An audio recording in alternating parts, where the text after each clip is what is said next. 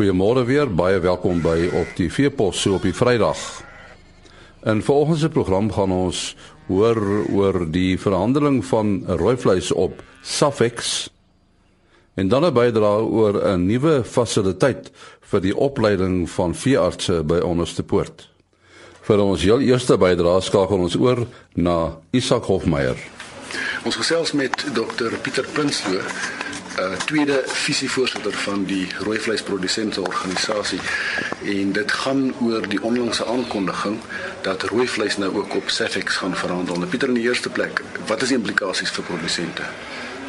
Isak ja, ek dink ons moet hierdie ding baie goed bestudeer dat ons dit ons voordeel van onsself kan gebruik. Die 28ste Januarie is nou die A2 prys, BSP slagprys is nou ehm um, uh, bekend gestel uh, en en en dit is 'n kontrak een kontrak behels 1000 kg vleis. Ehm um, die die die dis begin op R33 per kilogram en op hierdie stadium 2 weke later trek hy op R42 per kilogram. Wat ons opgewonde maak is dat die die die JSE was nog altyd 'n baie goeie indikasie van kommoditeitsbeweging van die waarde van kommoditeite en die feit dat die prys so vinnig gestyg het daar, dis 'n virtuele mark onthou sê sê vir ons dat hulle dink die effek van die droogte was groter as wat ons miskien in die industrie ehm um, dink en dat vleis wel 'n skaars kommoditeit gaan raak en duur gaan raak. Ons moet ons net glad nie verwar met die feit dat dit nie 'n fisiese prys is nie, dis die virtuele prys. Ehm um, ek wil dit graag ehm um, verduidelik in die in die manier hoe ons daai kan kan waarde kry is dat as jy byvoorbeeld 'n 100 beeste het wat jy weet jy gaan bemark gedurende Junie. Ja, die prys eh uh, die die hoofverskansingsmaande wanneer die kontrakte verstryk is Maart, Junie, September en Desember en daar's nou 'n prys vir Junie is klaar bekend gemaak. Dit is baie hoër as wat ons antisipeer het. Ehm um, wat dit wel gaan doen, dit gaan 'n groot stabiliserende effek op die pryse veral wat die speenkalvers betref. En ons het in ons onderhandelinge met die JSE het ons gesê ons wil nie net 'n A2 slagprys hê nie. Ons wil graag ehm um, 'n uh, uh, speenkalfprys ook daar koppel. Uh, dit is nog nie geloods nie. Ek dink hulle is besig en die prys gaan begin baseer word op die gemiddelde prys van veilinge in die Noordweste op hierdie stadium. Ek dink ook ons moet kyk na Natal want hier's ook nog groot speenkalfprys uh, uh, veilinge. Ehm um, gemiddelde veilingsprys sal en wanneer dit genoteer word dat wanneer jy jou speenkalvers wil verkoop op die op die op wat jy fisies het, jy weet mos nou jy het my Junie maand miskien 100 speenkalvers wat jy wil verkoop, dan verkoop koop jy hulle ook op die virtuele mark op die JSE, op die Safex mark.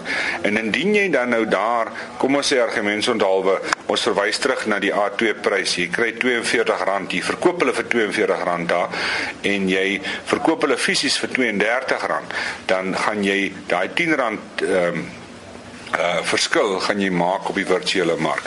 Maar ons boere moet versigtig wees. Ons moet ek glo ons moet uh bemarkers of agente gebruik om dit ons te help hiermee. Ons moet nie onverskillig inwerk daar nie, maar ek glo wel die groot effek daarvan gewees gaan 'n stabilisering van die kalfprys. Op hierdie stadium wissel hy geweldig baie uh op vraag en aanbod.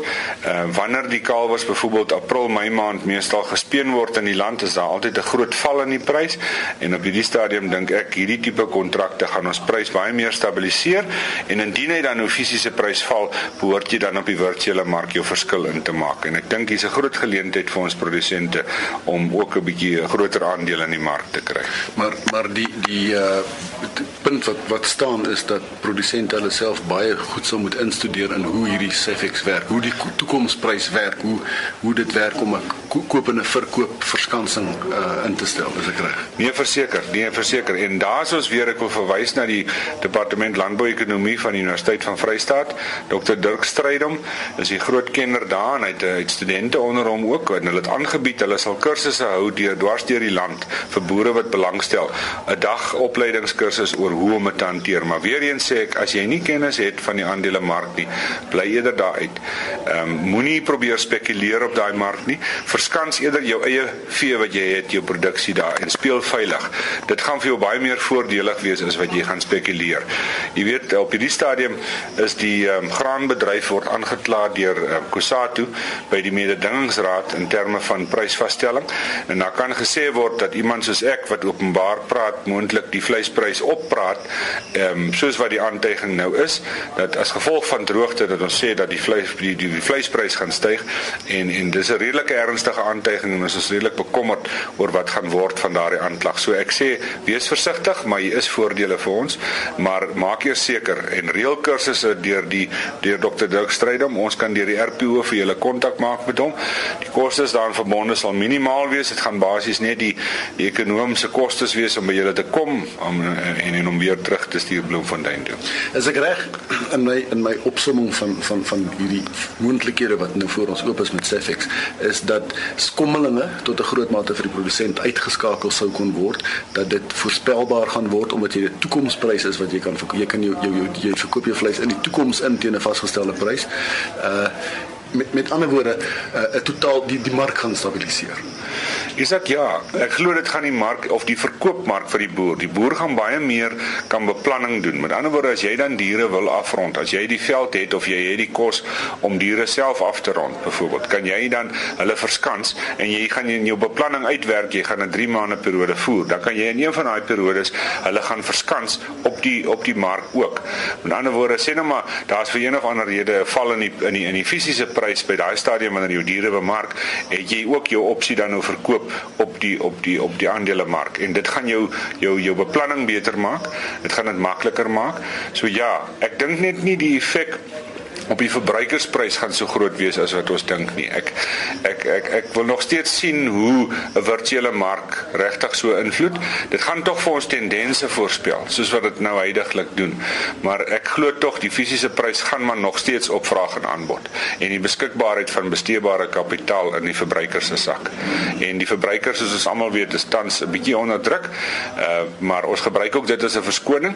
Ehm um, ons het reeds gesê dat ek dink die prys gaan opgaan as gevolg vir die beskikbaarheid daarvan en die vraag en aanbod fisies bly nog altyd die bepaling van die van die prys uiteindelik. Dit was dokter Pieter Prinsloo en Isak Hofmeyer het met hom gepraat. Ons is selfs nou met uh, dokter Paul van Dam. Uh, hy is die fakulteitsbestuurder hier by die departement die fakulteit vir artsenykunde van die Universiteit van Pretoria. Ons praat met hom na aanleiding van 'n uh, baie besondere sentrum wat geopen is, die Lesedi sentrum. Vertel van ons meer van die sentrum. Hoekom is dit so belangrik vir julle?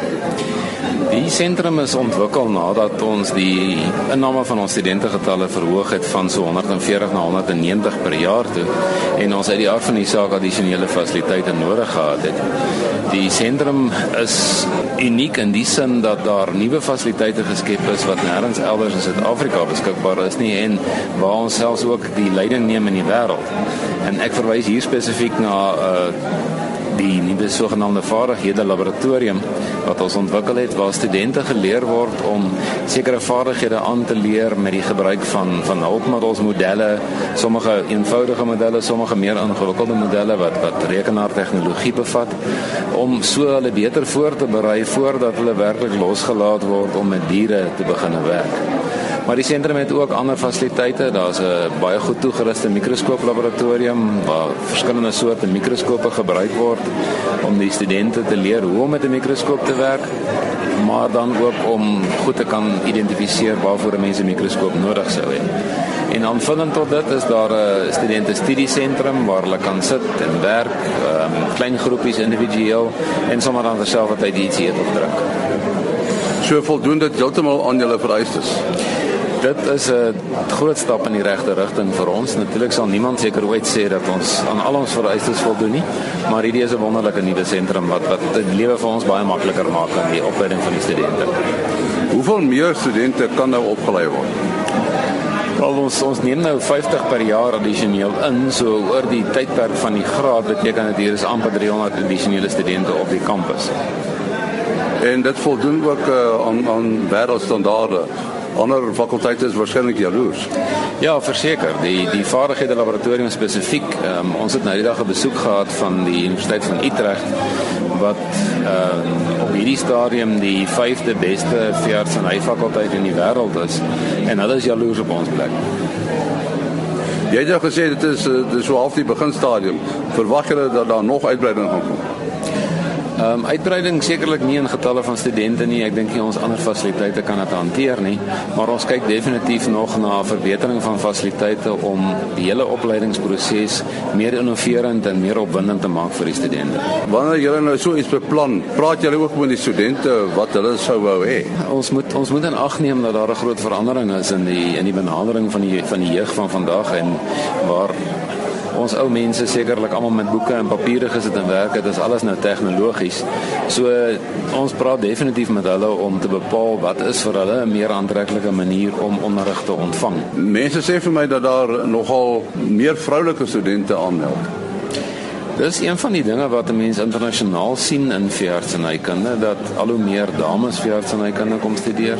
Ons trek seker nou so op ongeveer 65% dames by die fakulteit. Ehm um, niemand weet regtig hoekom nie, maar dit is 'n internasionale tendens. En wat is die neiging dan gaan hulle klein dier toe of groot dier? Interessant genoeg uh, is daar heelwat damesveeartse wat op die platteland onder die uh, produksiedieromgewing gaan werk. So ek dink die mense kan daai streep trek om te sê dat 'n mens het mans nodig om met beeste te werk en en dames om met honde en katte te werk. Baie dankie Dr. Paul van Dam.